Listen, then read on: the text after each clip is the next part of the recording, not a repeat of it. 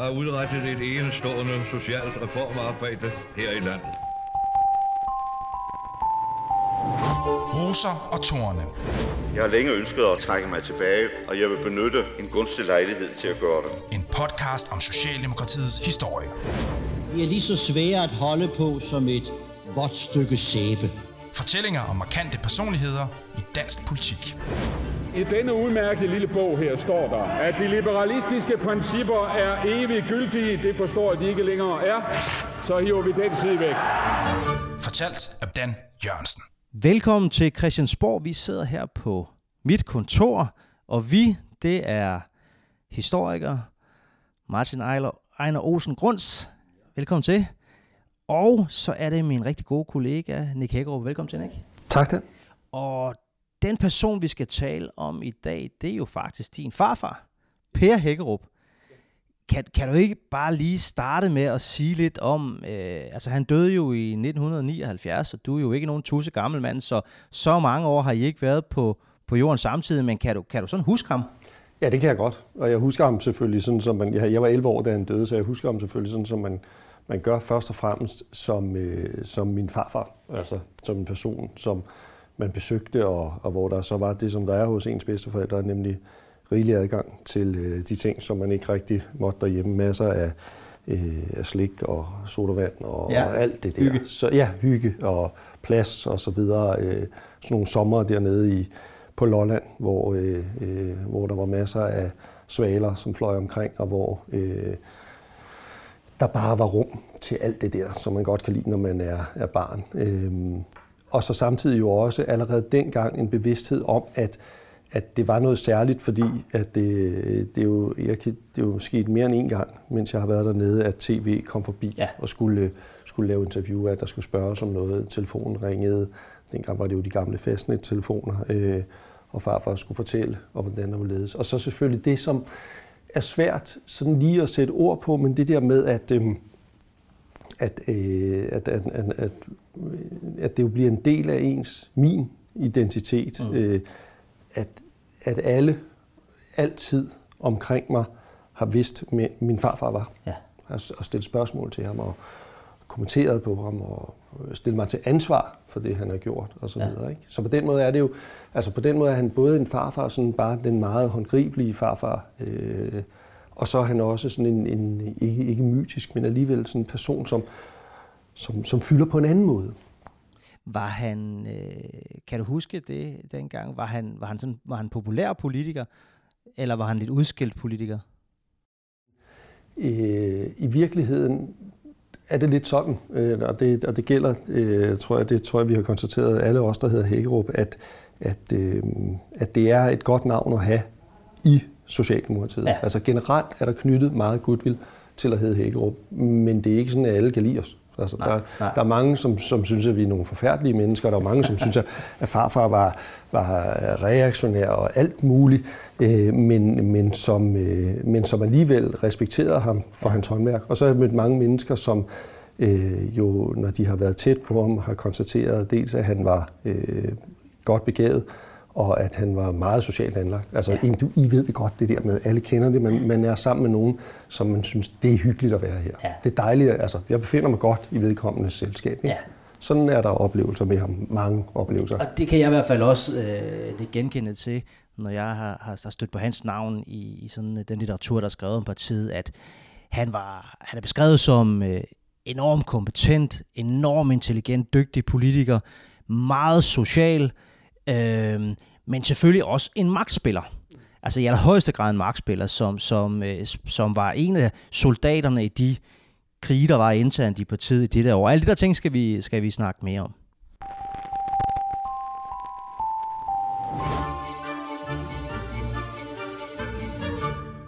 Nick, du sagde, at øh, når man er en hækkerup, så, så hører man også... Øh, så hører man også fra nogle af de dårlige ting. Og jeg ved i hvert fald, at der er en historie, som må have reddet dig og andre i din familie som en mare. Også alt den stund, at den simpelthen er falsk. Kan du gætte, hvad det er for en historie, jeg tænker på? Ja, det er historien om Nordsøolien. Ja, kan du ikke lige Og- fortælle lige dem, der lytter med her, hvad det er for en historie? Jamen, det er en historie om, at at farfar angiveligt skulle have fløjet. Man skulle dele Nordsøen, hvad for en del skulle Grøn, øh, Grønland, hvad for en del Nå, skulle Nordmænd ja. have, og hvad for en del skulle, skulle, skulle Danmark have. Den her deling skulle optages, og historien er, at, at farfar fløj op til, øh, til, til nordmændene og havde en forhandling, øh, hvor han blev, eller var, pløger fuld, og derfor fik øh, nordmændene så nogle af de mest lukrative områder. Ja. Historien er et falsum, øh, og, det, og det er heldigvis dokumenteret efterfølgende, men øh, den fik liv af forskellige ting. Den fik dels liv af, øh, at det er en god historie. Mm. Det er jo en skideskæg historie, det der med, at der står angiveligt et sted i det norske udenrigsministerium en, en tom whiskyflaske, som har givet dem milliarder på milliarder på milliarder. Ikke? Altså, det er jo bare, altså, den ja. indeholder alt, hvad der er en god historie, og så har den også fået liv af, at Krav i, sit, øh, i sin øh, dagbog et eller andet sted kommer til at antyde noget i den retning, ja. som en, øh, den efterfølgende historiker øh, Tag Korsted ligesom tog til indtægt for, at Per havde været fuld. Muligvis var han fuld, muligvis var han ikke fuld. Sandheden er bare, at sådan en aftale bliver ikke lavet, sådan at man sætter sig ned og, og tegner på papiret der. Altså, øh, men, men det er en af de, altså det er en historie, som har, som har reddet meget. Det er, det er, det er nogle gange, øh, altså det, det er en af de situationer, hvor jeg har set min egen far mest forarvet og vred. Det var, det var simpelthen, da, da Tage Korsted havde skrevet ja. det der, og jeg kan huske den telefonsamtale, fordi jeg sad på fars kontor, da Tage ringede op for ligesom at prøve at og, og, og, øh, øh, og, og, og, og ligesom forklare og undskylde. Og, øh, og, og, og, og da far tog telefonen og begyndte at snakke med ham, der, jeg tror simpelthen nærmest, at det der rør, han havde i hånden på den der gamle telefon, det, det bogstaveligt talt frøs i, altså man kunne nærmest høre den der lyd af, at det frøs til. Ja. Altså, virkelig vrede. Altså. altså, vi kan jo godt grine af det her nu, og når historien bliver nævnt sådan blandt politikere, så er det jo netop med et smil på læben, fordi vi alle sammen godt ved, at det er en myte. Men det er jo alvorligt nok sådan set, for jeg tror, at der er mange, som har hørt historien sådan i befolkningen, som har tænkt, det, det kan måske godt være, fordi han, altså, der er jo ikke nogen tvivl om, at han fik en tår og tørst en gang, men det var der nu øvrigt rigtig mange, der gjorde dengang. Det gjorde førnævnte krav jo i, i, i den grad også. Det gjorde han, og det var en del af image dengang. Ja. Altså, det var sådan, man var, og han har jo selv også øh, koketteret med det. Blandt andet øh, fortalte han jo, når han er der i ministerbilen, at, at han sørgede for at holde ind ved, ved tankstationer og købe øh, rigelige mængder øl, så han havde den med i bilen, fordi så behøvede man ikke i tid og utid at skulle stoppe for det. Altså, nu havde han jo ligesom forsyningerne med sig i bilen. Og sådan var mentaliteten ja. lidt dengang. At jeg kan faktisk... Jeg talte med, med, med hans sekretær, det, det pussy ved det er, da jeg blev valgt til Folketinget i 2007, der var hun stadig ansat herinde og blev min sekretær. Øh, så, så vi havde simpelthen samme sekretær. Hun fortalte der til sidst i hans tid, da, da han var alvorligt syg. Øh, der, øh, der var der simpelthen situationer, hvor han blev bedt om, eller hvor hun blev bedt om at hælde kold te i glasset, fordi det skulle ligne viske. Fordi ja, han skulle han opretholde ja, øh, det der image om, at at, at, at kunne overkomme og arbejde og drikke så meget samtidig. Ja. Altså, så det har jo været en del af, af sådan, som det var dengang. Ikke? Det var, det var, altså, man var politiker med store aftaler og det store kolde bord og store øh, schusser og alt det der. Ikke? Der er faktisk et citat her, jeg har lyst til lige at læse op. Det er Per Hækkerup, der siger om sig selv. Jeg kan godt lide store opgaver, store cigarer, store tynde schusser, store formater, store organisationer, det store kolde bord, og i det hele taget alt, som har en vis grandiositet over sig. Jeg egner mig ikke til at færdes i kulissen. Martin Ejler Olsen Grunds, du er historiker. Ja. Nu har vi jo hørt barnebarnet. Og øh, det kan jo ikke afvises, han er en lille smule farvet. Men jeg må nu sige, at jeg synes, at den beskrivelse passer meget godt med, hvad jeg har læst. Hvad, hvad siger du som historiker? Ja, nu, nu, det her med myten, er det rigtigt nok? Det er bare en myte, ikke? Ja, det er, det bare, kan vi godt det er fast. bare en myte, godt. og så vidt det overhovedet kan efterforskes, så kommer det faktisk fra, fra Krav, ja. øh, som, som øh, havde et horn i siden på, på Per Hækkerup. Øh, det er ikke sådan den store hemmelighed, at øh, Per Hækkerup han legede med tanken om at blive formand og, og øh, for Socialdemokratiet og øh, Efter statsminister. Jens Otto Krav, ja. Efter Jens Otto Krav. Det er heller ikke nogen hemmelighed, at Jens Otto Krav han var sådan lidt valen ved at blive formand for Socialdemokratiet, og han i årene efter overvejede lidt, skulle han blive nationalbankdirektør, skulle han blive noget andet. Og man kan sige, i hele det der, øh, i den første tid af Kravs tid som statsminister, der, der er der sådan en, en, en ret stærk øh, armlægning mellem de her to. Ja. Også hvem, hvem har egentlig kontrol over partiapparatet, der det og det, det ender jo med, at Krav vinder den, skal man, skal man så sige. Men der, er, altså, der, der, der var til tider meget stor konkurrence og bitterhed mellem dem, men der var også et meget stort samarbejde. Altså de, de, de var jo enige i den politiske kurs. Øh, så øh, ja. ja, når man læser de her øh, meget tykke biografier om, om krav, som øh, Bo Lidegaard har skrevet, øh, så er Per Hækkerup jo en gennemgående figur, øh, fordi han havde stor betydning også for, for Kravs karriere på, på godt og ondt. Altså han var hele tiden præsent i partiet, og du kunne ikke rigtig foretage dig nogen store ting i partiet i, i de der øh, år, øh, ja årtier jo næsten, uden at, at Per var en del af det. Nej, og så er der også det, når vi taler om det der med, hvordan kan det her opstå, så er der også, det er ikke nogen himmel, altså øh, Per Hækkerup havde allerede fra sin tid som, som DSU, der havde han det her, det her image, også der den der øh, ret, øh, ret runde figur, som øh, øh, talte med store ord og koketterede lidt med at være bramfri og øh, så videre, og, og gik, gik hårdt til den ved, ved bordet og ved frokosterne og så videre. Og øh, lige så vel som det, altså det er ret kendt, at, øh, hvad hedder det, at, at H.C. Hansen han havde et modsætningsforhold til øh, krav, fordi han synes han levede som uborgerligt. Mm. Det havde han altså også til Per Hækkerup, som han... Øh, Med uborgerligt mener du, at de gik lidt for meget til flasken og festede lidt for meget om natten og de der ting. Ja, også H.C. Ja. Hansen, han ville gerne have, at man var klædt ordentligt på, når man mødte vælgerne, når man repræsenterede Socialdemokratiet. Ja. At man opførte sig øh, repræsentativt at man fik sig en god kone, der var repræsentativ. Det gjorde Per Hagerup så, det skal siges. Der, der, på, det, på det plan, der var, det var Grete Hagerup, som også er en del af, som af, også er en del af, af, af Hagerup side. Hende var H.C. Øh, Hansen ret glad for, men, øh, men den der måde, altså det der med at få en tår over tørsten og komme med indiskretioner og sådan noget, altså H.C. Hansen, han kunne slet ikke tage det, og, og han tog mange gange Per Hagerup i, øh, hvad hedder det, i forhør og sådan noget, på samme måde, som han prøvede at komme med opsang til krav. Så det er også meget tydeligt, de var jo sådan, øh, stort set samme generation, og de konkurrerede meget, men de havde også modsætningsforhold til de samme. Og da, og da de ligesom kom til der i starten af 60'erne, der var det, der var det også et klart et brud med øh, den gen, generation, der kom, kom lige før. Okay, vi skal øh, snakke meget mere om, om Per Hagerups karriere som øh, minister, øh, primært hans tid som udenrigsminister, men inden vi gør det, skal vi lige have lidt om hans allerførste år.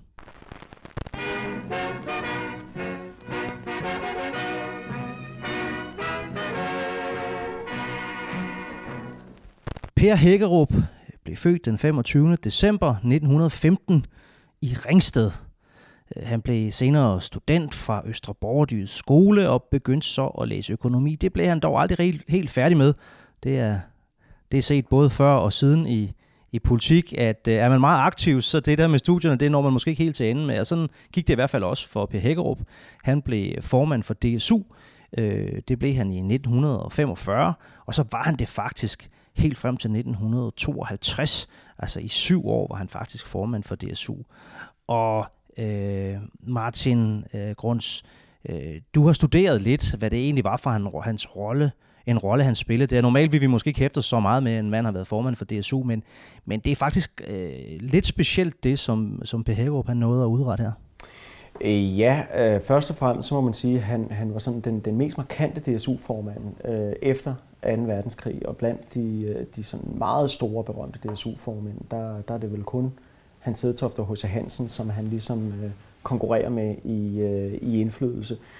Men det er også, hvis vi skruer lidt tilbage, altså han bliver medlem af DSU allerede 19, i starten af 1930'erne og er, er aktiv der. Han øh, er meget engageret øh, i, i, i det lokale i, i København, og ellers så danner han venskaber og netværk, og han cykler rundt i hele Europa, og han ser faktisk med, med egne øjne. Altså bogstaveligt talt cykler på en cykel? cykler ja. rundt ja. I, altså i, i Europa. Tyskland øh, især, Østrig, øh, men, men også andre lande der. Og han studerer simpelthen, hvordan ser sådan et, øh, et samfund ud, der er blevet overtaget af nazismen. Ikke? Mm. Og at jeg de tror også, hvis, altså, at det, alt, alt, alt rigtigt, er sagt, men jeg tror faktisk, hvis man lige bare træder et skridt længere tilbage og ser, hvad er det i øvrigt, han kommer af, mm. Per. Altså, hans, han, han har en barndom, hvor hans far er øh, socialdemokratisk borgmester i Ringsted. Også bliver folketingsmedlem. Altså, øh, typografen, der, der ligesom øh, træder frem i det sociale hierarki, ikke? Øh, og Per følger med, som han søn selvfølgelig skal sidde længst fremme i, i klassen i skolen, blandt, sikkert blandt de der spidsborgerlige mm. der i, i den her provinsby. Ikke? Øh, og så dør faren, da Per er 15 år gammel, og, og de flytter til København. Og, og, og min oldemor, altså Pers mor, øh, ernærer sig ved at, at sælge sådan en, en lotterikollektion, får sådan en lotterikollektion, som hun sælger, det er det, hun lever af. Så Per er der fra 15 år gammel, bliver han taget ud af sådan en, en altså i virkeligheden trans, transformeret fra sådan øh, provins upperclass til, til København.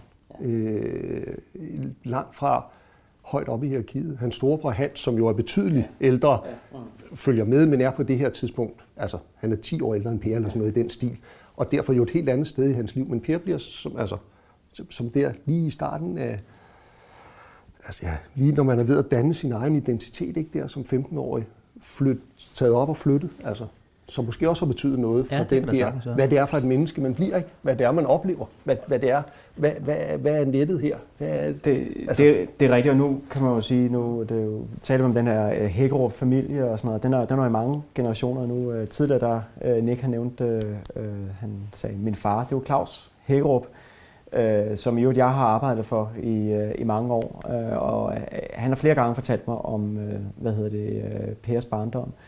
Og, og det er klart, det der med, at øh, faren, altså som også hed Hans Hækkerup, bare for at gøre forvirringen øh, fuldstændig komplet. Altså, øh, der er tre øh, tidligere folketingsmedlemmer, der hedder Hans Hækkerup, så det... men, øh, hvad hedder det? Da han, da han dør relativt ung, og det er jo simpelthen ved en komplikation af en, af en øh, operation, der burde være ukompliceret, der, der, der ramler den her sociale struktur for familien, og de må flytte til København. Per, han er nummer to søn, og det var egentlig meningen, at han skulle være ansat i en bank, fordi det er jo den, selvfølgelig den ældste søn, som man satser på skal gå på universitetet. Det er ham, der også hedder øh, Hans Hækkerup, og senere bliver mangeårig øh, justitsminister.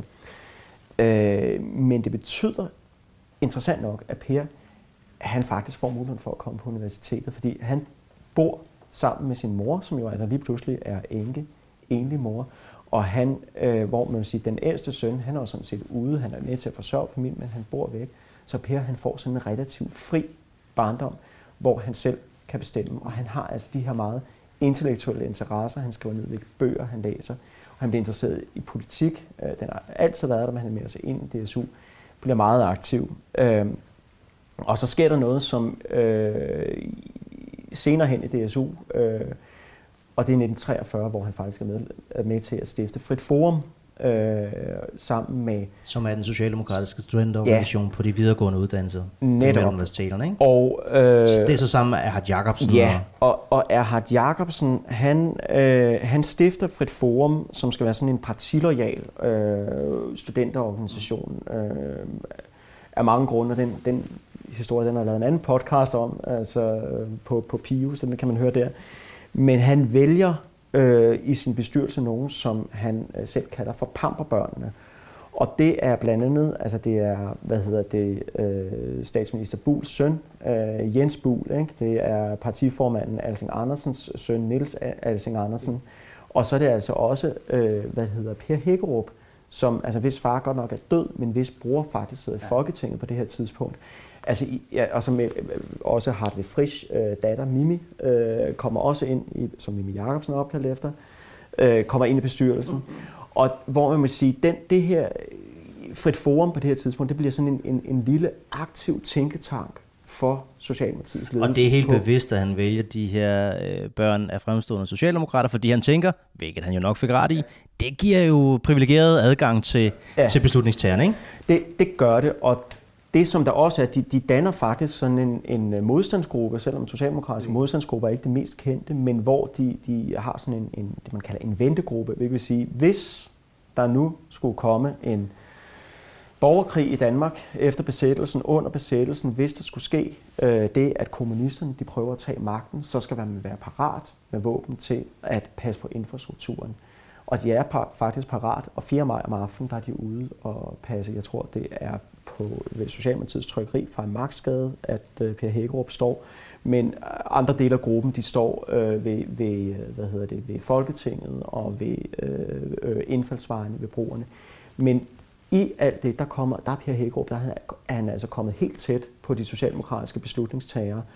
Og det vil sige, at man skal til at strukturere samfundet demokratisk igen efter befrielsen, der er han parat til at træde ind i DSU på en helt central post.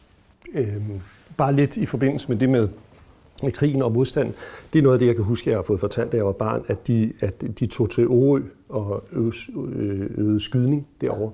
Fordi der kunne man simpelthen, altså der var jo færge, der er der jo stadigvæk sådan en lille trækfærge over til Årø, at der ville man vide, hvis tyskerne var på vej ud til øen, så man kunne få pakket udstyret væk og så videre. Men en anden ting, som faktisk gjorde stort indtryk på mig, det var det min, min egen far, der fortalte, at han efter krigen har stået med Per, jeg kan ikke huske, om det var et bus eller tog, sporvogn, øh, og hvor Per øh, fortalte til min far Claus, at øh, pegede på en anden mand i, i der og sagde, det var ham, der angav mig under krigen. Og Per blev angivet og blev øh, hentet ind til afhøring. Øh, og efter i hvert fald efter, efter af tyskerne, ja. Og efter min fars beretning, så det, der reddede ham, det var simpelthen, at han... Øh, at, at ham, der, øh, øh, officeren, der skulle oversætte, eller tolken, der skulle oversætte, at Per kunne bedre tysk end ham. Så han kunne simpelthen øh, fortælle tyskerne, altså snakke mm. mere lige med dem og korrigere oversætteren i, i det, der blev sagt. Men det er alligevel også syret af at stå der efter krigen øh, og så se den, som har angivet en ikke, i, i, i de der farlige år. Altså, men som jo i høj grad, det er jo helt rigtigt, jo, i høj grad her også handlede om, om afstandtagen til kommunisterne. Ikke? som jo var en af Pers. Ja, øh. ja han var inspireret af, af Hartwig Frisch, som blev nævnt tidligere, som jo har skrevet øh, Pest over Europa, hvor han, hvor han jo øh, på, på, på en, en, med, en, med en teoretisk metode øh, beskriver, hvor, hvordan det kan være, at, øh, at både kommunismen og, øh, hvad kan hvad, hvad er det, hvordan det er, Martin? Fas, altså fascisme generelt, ikke? Bolsjevisme, kommunisme og fascisme, ja. tror jeg, han, han ja, benævner. Nazisme. Nazi, nazismen selvfølgelig hvordan at, at man, man virkelig skal være varsom med, at de ikke overtager øh, herredømmet i Europa. Ikke? Ja, og det er jo, hvor man kan sige, for, for topsocialdemokraterne, der, der øh, nazismen den er overvundet, der går kampen jo, den fortsætter direkte mod kommunismen, og de har, topsocialdemokraterne, de har aldrig nogensinde gjort sig nogen illusioner om, at kommunismen og Sovjet ikke er en lige så voldsom og brutal magt, som nazismen var. Og de kommer til at opleve det meget på den, øh, på den måde, at de folk, de kender overalt i Europa, øh, de socialdemokrater, de har deres netværk, de bliver, øh, de bliver forfulgt af kommunisterne, de bliver fængslet, de bliver fordrevet, en del af dem kommer til Danmark osv., men altså det vil sige, de tyske, de, øh, de tjekkiske, de ungarske socialdemokrater øh, osv., altså de tyske, det vil sige for dem, der kommer fra det, der senere bliver DDR, mm. de, bliver, de kommer i fængsel, de, de forsvinder, de bliver henrettet, eller de når at flygte. Øh, og øh, for Per Hækkerup, der var det sådan en, en livslang øh, drivkraft og forarvelse med de personlige venner, han havde der. Ja. Og der, altså, det, det er sådan noget, hvor man, det der med, hvad, hvordan har jeg oplevet ham. Jeg kan huske, når vi, når vi var, når vi var nede og besøgte dem på Lolland, øh, mor og far og så videre, og, og der blev snakket politik, og, øh, og man sad i stuen, og det var dengang, da der var gramofonplader. Jeg kan simpelthen huske øh, at have oplevet det der med, at, at de har siddet og snakket, og, drukket og så videre. Vi børn fik lov til at være rundt og lytte med, eller hvad vi nu ville. Øhm, og der kan jeg huske, at den der øh, plade med Lucille og den sidste turist i Europa er blevet sat på.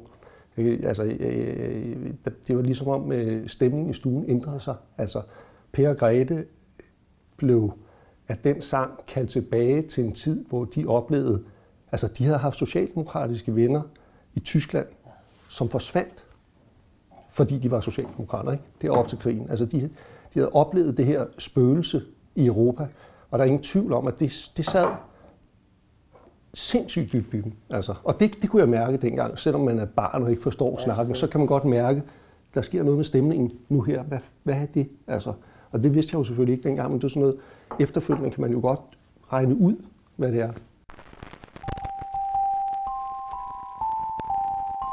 Men Per Hækkerup blev altså formand for DSU øh, i 1945, og, og Martin, du var tidligere inde på, at han er sådan en af de helt store formænd for, for DSU gennem tiden.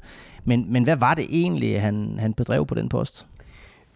Ja, øh, to ting. Det ene er, at øh, DKU, altså Danmarks Kommunistiske Ungdom, at de faktisk ikke fik det der store folkelige gennembrud. Altså det er simpelthen, må man sige, øh, bekæmpelsen af kommunismen, og det, at det lykkedes i Danmark, det er øh, i en tid, hvor Sovjetunionen havde enorm prestige øh, og brugte enorme ressourcer på at vinde offentligheden i, i Vesten. Øh, det er i sig selv en stor øh, bedrift, at DSU så at sige holdt øh, Ja, man skal lige huske på, på altså, det kan jo være svært for, for os i dag at, at, at, at tænke sig, at der har været en tid, hvor Sovjetunionen sådan set var altså et positivt brand, hvis man kan sige det på den måde. Altså det var noget, man så op til, og specielt derude på mange arbejdspladser, ja. ude mange steder, hvor, hvor der ellers var, var øh, mange socialdemokrater, der var virkelig også mange kommunister. Og det er jo også, hvor man, altså man omtalte jo, altså dels var, var Sovjetunionen jo ligesom skamløs i, i, i deres propaganda. Dem, der kender øh, George Orwells øh, 1984, der, der med, hvor, med, hvor man har det der med nysprog, og hvor man vender ordene om, sådan, så krig betyder fred og sådan noget.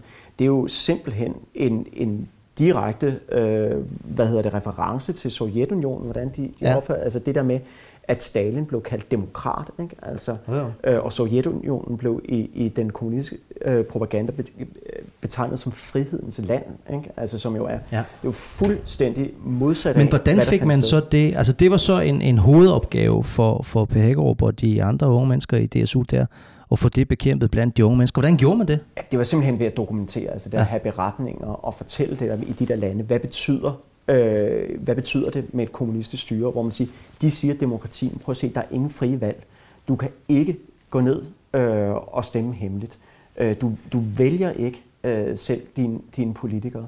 Du øh, kan heller ikke bosætte dig, hvor du vil. Altså i det hele taget, alle de her frihedsrettigheder, de er suspenderet øh, eller, eller afskaffet i det kommunistiske øh, råderum. Og så er det selvfølgelig med at vise, hvad, altså, så er det også med at konkurrere, at man skal kunne levere resultater. Altså det vil sige, i Sovjetunionen, de påstår, de har alle de her sociale resultater, hvor man bliver nødt til at vise noget tilsvarende her i demokratiet. Altså, og derfor er der de her store øh, socialdemokratiske socialiseringsplaner og alt det her efter, øh, hvad hedder det, efter, øh, efter befrielsen.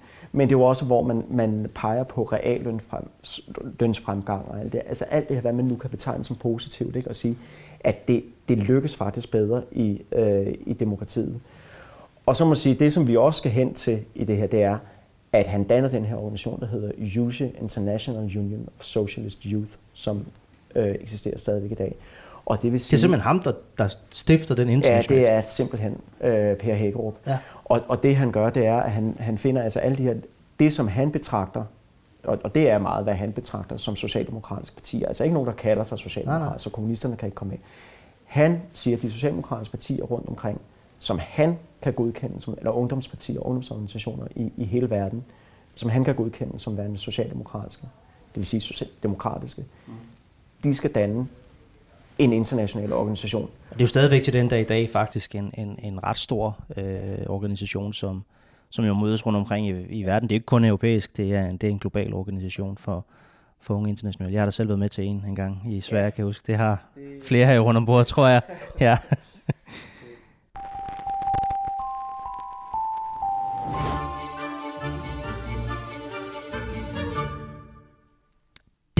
øh, Per øh, Hækkerup øh, er, er færdig i DSU, eller faktisk, mens han stadig sidder i, i DSU, der, der bliver han også sådan en rigtig politiker i gåsøjne. Han bliver først medlem af Københavns borgerrepræsentation. Det er han fra 46 til, til 50. Men fra 1950, øh, faktisk samtidig med, at han altså er formand for DSU, der bliver han så folketingsmand. Og han øh, blev valgt i Lyngbykredsen først, øh, og flyttede så efter en, en del år i, i 68 til Esbjergkredsen, øh, hvor han vist var, til han, øh, til, han, til han døde. Men hvad vil du egentlig sige, Martin, som, som historiker? Han havde forskellige ministerposter. Han var udenrigsminister, han var økonomi- og budgetminister, han var økonomiminister, han var øh, handelsminister sammen med økonomiministerposter. Han havde en del ministerposter i de der år. Hvor er det, han satte de største aftryk? Altså, det, hvis vi taler om, hvad der er realiseret og så, videre, så er det øh, efter min mening klart som udenrigsminister. Øh, det er fra 62 til 66. Ja, og man kan sige, det er det er faktisk kun fire år, men det er meget meget øh, højprofileret, ikke? Og det er faktisk i tæt samarbejde med Jens og Krav. Det er der, hvor man, øh, altså Khrushchev er på besøg i Danmark. Ikke? Khrushchev, det var Sovjetunionens øh, mm. generalsekretær, altså lederen af, af Sovjetunionen. Ja, Hækkerup var i Sovjet og besøgte Khrushchev. Ja, øh, ja, også det, og var Altså, og i øvrigt øh, gentagende gange i, øh, i FN. Øh, han var med til at give øh, FN den her centrale øh, øh, forhandlingsrolle, altså nok mere central, end det har i, i dag i, i virkeligheden. Mm. Øh, og så var han meget engageret i øh, det her afkolonisering af Afrika, som rigtig tager øh, fart i de her år. Altså vi skal måske lige huske her, FN bliver dannet øh, lige i slutningen af øh, 2. verdenskrig, og faktisk har den som mål, at de kolonier, som der er rundt omkring i verden, som meget, hvis ikke størstedelen af verden faktisk består af på det her tidspunkt, at de skal øh, blive selvstændige stater, kunne have den frie øh, øh, vilje, øh, og det skal gennemføres. Og det forpligter medlemmer af FN sig øh, på. I løbet af 50'erne og 60'erne, der får man så den her række nye stater, og det her arbejde med, at de bliver demokratiske, øh, og, øh, og man kan få et nyt samarbejde i, i den her verden, og se det også fra Per Hækkerups side, at de ikke falder til kommunismen. Det, øh, det bliver prioriteret enormt, og noget, som øh, han ikke er særlig meget husket for, så meget uretfærdigt, det er faktisk hans anti-apartheid-politik. Mm. Fordi han er i hvert fald den første politiker i øh, Danmark, der sådan helt øh, højprofileret går imod apartheid i Sydafrika, som jo opstår der øh, i den her afkoloniseringsproces, og hvor øh, Per Hækkerup er personligt dybt forarvet over det, og arv modstander øh, af det. Der er en, en, en, en lille sjov historie om, øh, da han blev udnævnt til udenrigsminister, der bliver han lykønsket af kong Frederik, der siger, tillykke Per Hækkerup, hvor til Per Hækkerup svarer, tak i lige måde deres majestæt. Men det er vel heller ikke... han, havde, øh, han havde en vis øh, selvtillid og, og selvfølelse, men det var måske heller ikke helt uden grund. Altså han, han var en meget dygtig øh, udenrigsminister. Der, der findes øh, på nettet øh, forskellige filmklip, desværre ikke med lyd, men fra han i Khrushchev, hvor han bliver modtaget som statsmand, fra et besøg i Washington, hvor han har et længere møde med John F. Kennedy. Øh, de sidder, Kennedy sidder der i sin, sin øh, gyngestol, øh, og de sidder helt tydeligt i, i en, en længere øh, dyb samtale. Øh, så han repræsenterede Danmark godt, men, men, men var altså også en forgangsmand både når det handler om at give FN styrke, afkolonisering, som du taler om, apartheid, øh, NATO vel også? Ja, øh, og det er klart, han er jo... Øh, altså Danmark kom jo ind i NATO i øh, 1949, og det var klart, det var til Per Hækkerups store, store glæde. Øh, det var det hele taget til alle de ledende socialdemokrater store glæde. Men det er klart, det der med at styrke NATO, og i virkeligheden også, altså og man kan sige, det var sådan noget, hvor det er mere sparet, men han var, han var jo ikke, han var ikke glad for, for styret i Portugal eller nogle af de her, øh, hvad hedder det, NATO-lande, der ikke var demokratiske, men altså sådan en intern kamp i NATO for at arbejde for, øh, for demokratiet der, men også for, øh, i, altså i virkeligheden var han meget engageret i Jugoslavien også, og nu, øh, nu taler vi om ting, der, der er meget gammeldags her. Øh, Jugoslavien var jo ikke medlem, altså var et kommunistisk land, der ikke var medlem af Varsava-pakten, øh, men som på mange måder var et modelland. Og det med at få knyttet det tættere øh, til NATO og kunne bruge det som, som i virkeligheden som, som en slags trojansk hest ind i den kommunistiske verden, det var, øh, det var en prioritet øh, øh for ham. Øh, og han har sådan set skrevet et øh, rigtig godt værk. Øh, han er ikke sådan den store teoretiker ellers, men han har skrevet øh, en bog, der hedder Dansk Udenrigspolitik, eller Danmarks Udenrigspolitik, som sådan set beskriver de her store linjer, og hvor han har øh, den her meget klare øh, sætning øh, i indledningen med, at Danmark har været uden alliancepartnere fra øh, freden i Nystad i 1720 og frem til 1949, hvor man kom ind i NATO. Øh, og nu handler det altså om at have øh, den her faste forpligtelse i NATO, som bør være et demokratisk forsvarsfællesskab.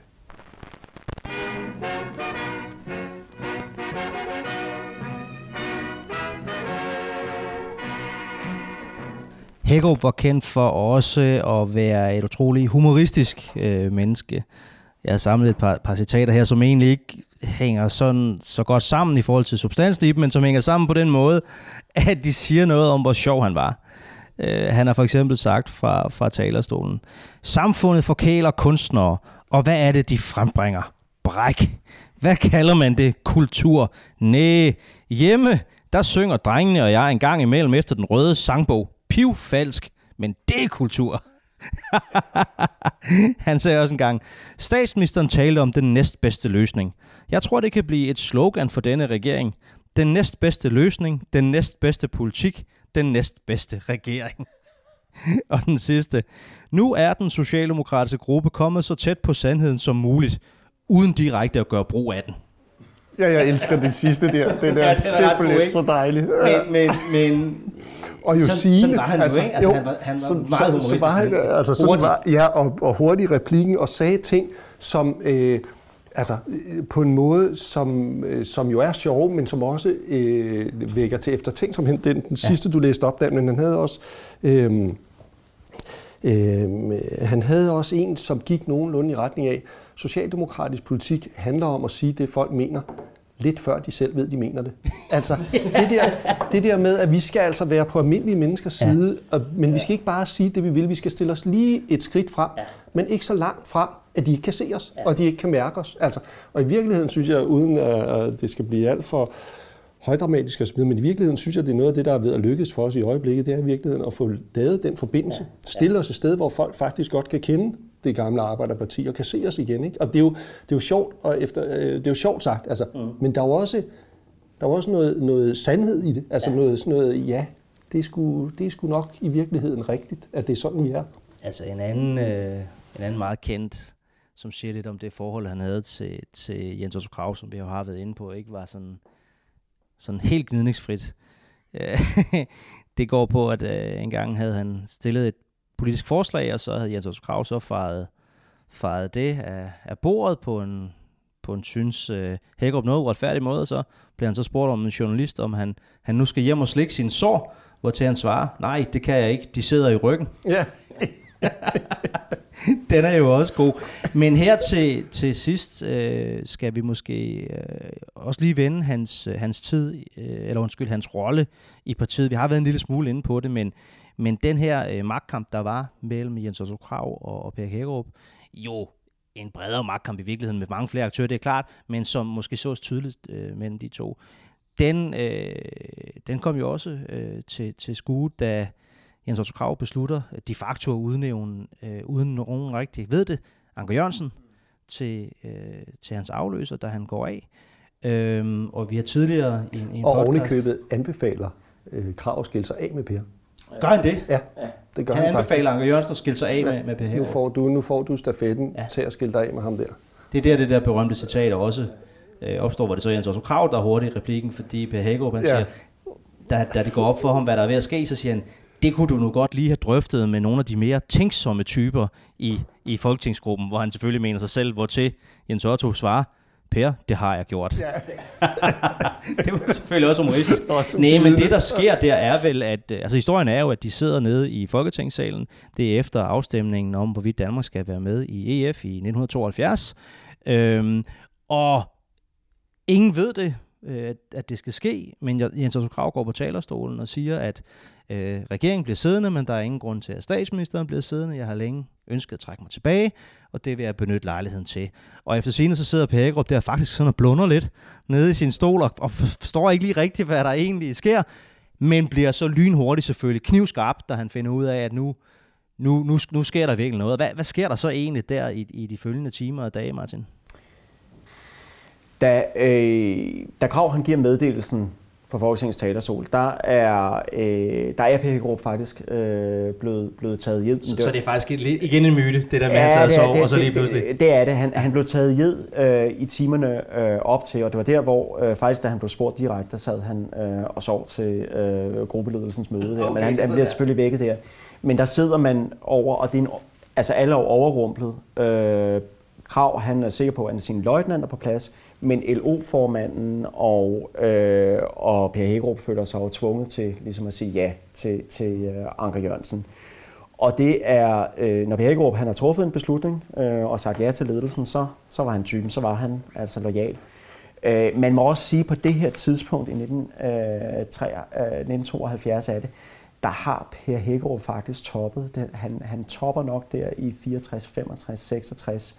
Og øh, han er nok ikke den sådan helt oplagte statsministerkandidat lige der. Men han ville selvfølgelig gerne selv have valgt, hvem det så skulle være. Og det skal lige siges, at faktisk i, i perioden 66 til 68, altså efter han har været udenrigsminister, ja. der er der nogle år under det røde kabinet, der S og Ja. ja. SF, de har flertal sammen, at der er han faktisk ikke engang minister. Nej. Øh, der er han gruppeformand, ikke? Der, der vælger, ja, han vælger faktisk at, at stoppe som, øh, som udenrigsminister. Øh, men, man demissionerer selvfølgelig ikke som minister på den måde, men han, øh, i, han taler med krav om det, og i den der situation, hvor Socialdemokratiet skal have en etpartiregering, men være alene afhængig af SF, der mener han, at det er vigtigt, at man har en meget, meget stærk gruppeformand øh, i, i den socialdemokratiske folketingsgruppe, som hver dag kan forhandle med SF, og hver dag kan vinde det slagsmål, og han kan ikke finde på nogen bedre end, end sig selv. Mm. Og det øh, lykkes jo også helt ja. formidabelt i øvrigt. Øh, men da vi kommer frem til 1972, øh, der har han også haft de første helbredsproblemer der, øh, og så videre. Øh, men efterfølgende, altså da Krav har, øh, er kommet med øh, den der øh, meddelelse om, at han ikke vil fortsætte som statsminister, der kommer faktisk et oprør i Folketingsgruppen, som Per Hækkerup ikke støtter. Øh, men der bliver sendt en serviet rundt, som har, faktisk har et flertal af folketingsmedlemmer øh, bag sig, hvor de øh, øh, kræver at få Orla Møller som... Øh, altså en serviet rundt under, under, under et møde simpelthen. Ja. Øh, der, der er nogen, der prøver på at kan, ja. kan vi nå at få stoppet det her? Kan ja. vi nå at få stoppet Anker? Og de, og de har et flertal øh, af, hvad hedder det, af, af underskrifterne fra øh, den socialdemokratiske folketingsgruppe, øh, der, og, og de peger på øh, Orla Møller, som også er sådan en, en, en hardliner, øh, må man sige, en helt anden type end, end Anker Jørgensen, kan man roligt sige. Øh, men da det kommer til stykket, og det kun er et lille flertal, der vil Orla Møller ikke, og han vil ikke selv skrive under på, og øh, Per Hækkerup for eksempel, han støtter heller ikke det her. Det gør LO heller ikke. Mm. Og øh, da det er så sket, og da det er et, er et faktum, der bakker han 100% lojalt op øh, om Anker. Og jeg ved ikke, om man kan sige, at de laver en pagt, men øh, Per Hægerup, han, han øh, fortæller helt klart Anker, at han skal nok arbejde lojalt for hans projekt, og han vil gerne lægge hele sin energi i det. Og han har jo også ministerposter hele sit liv. Ja, han har jo blandt andet posten som økonomi- og budgetminister, eller det vi i dag, i dag vil man kalde det øh, finansminister. Det er det budgetminister, det, det dækker over, ikke? Og, øh, og det er klart, det er jo, var jo også dengang øh, en utrolig magtfuld, magtfuld post. Vi nærmer os øh, slutningen på den her øh, podcast. Han, han døde i, i, i 79. Det må du må kunne huske. Øh, den. Hvad døde han egentlig af, ikke? Jeg tror, hvis man skal være helt ærlig, så tror jeg, at han døde af druk. Og, altså, øh, han, han var opereret også for lungekræft, øh, men, men jeg tror faktisk, det var leveren, der, Øh, der gjorde det af med ham i sidste ende. Under alle omstændigheder levede han jo sit liv sådan, som, øh, sådan, som du selv nævnte i citatet tidligere, Dan, nemlig øh, fuldstændig dedikeret til det her politiske projekt og fuldstændig optaget af at være en del af, af, af det politiske magtrum med alt, hvad det kostede af, af omkostninger personligt. Altså, øh, i, i, i, i, øh, i en, en utrolig presset øh, hverdag, hvor øh, alkohol både er øh, godt til at slappe af, men også godt til at lave sociale kontakter. Det kender vi alle sammen. Øh, og, og jo med øh, ryge cigarer hele tiden. Øh, han, han blev opereret øh, og, og fik fjernet den ene lunge, øh, og, og selv derefter øh, røg han cigarer, og, og, og hans tilgang til det var det også... Det er ikke frem det, lægen anbefaler. Nej, og lægen havde sagt, at, øh, at, at så måtte han højst ryge fem cigarer om dagen, hvilket er en fuldstændig vanvittig, fuldstændig vanvittig medicin til anbefalinger, hvor, og hvor Per så selv mente, at det kunne man godt fortolke sådan, at hvis man røg lidt flere en dag, så kunne man bare røge lidt, så, så kunne man ryge lidt færre en anden dag, og den der anden dag ja, kom men... måske aldrig rigtigt øh, til ham, fordi nej, han jo var levemand på den måde. Så han, han altså, det her har jo, altså, det har jo haft store konsekvenser for ham. Det har også haft en pris for, for hans børn og så videre, altså mange til stedevær og alt det der. Men han levede og var øh, øh 100 procent øh, socialdemokrat og vores bevægelses, arbejderbevægelsens øh, mand. Han ville gerne have været større ting selv, men jeg tror i virkeligheden, det som han vil glæde sig mest over, det er, hvor meget det lykkedes for bevægelsen mm. som bevægelse at gøre for Danmark. Det synes jeg var nogle øh, fine ord at slutte med. Øh, I har lyttet til øh, Roser og Tårne. I den her øh, omgang har vi talt om Per Hækkerup, og det har vi gjort sammen med hans barnebarn Nick Hækkerup og historiker Martin Ejner Olsen Grunds.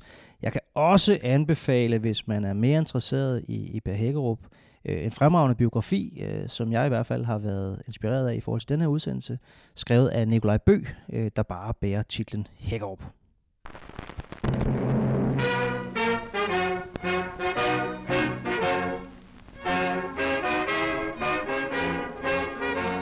Roser og Torne er produceret af netavisen Pio. Få dagens nyheder og find flere podcasts på biopio.dk. Følg os på Facebook, Twitter og få vores nyhedsbrev direkte i din indbakke. thank you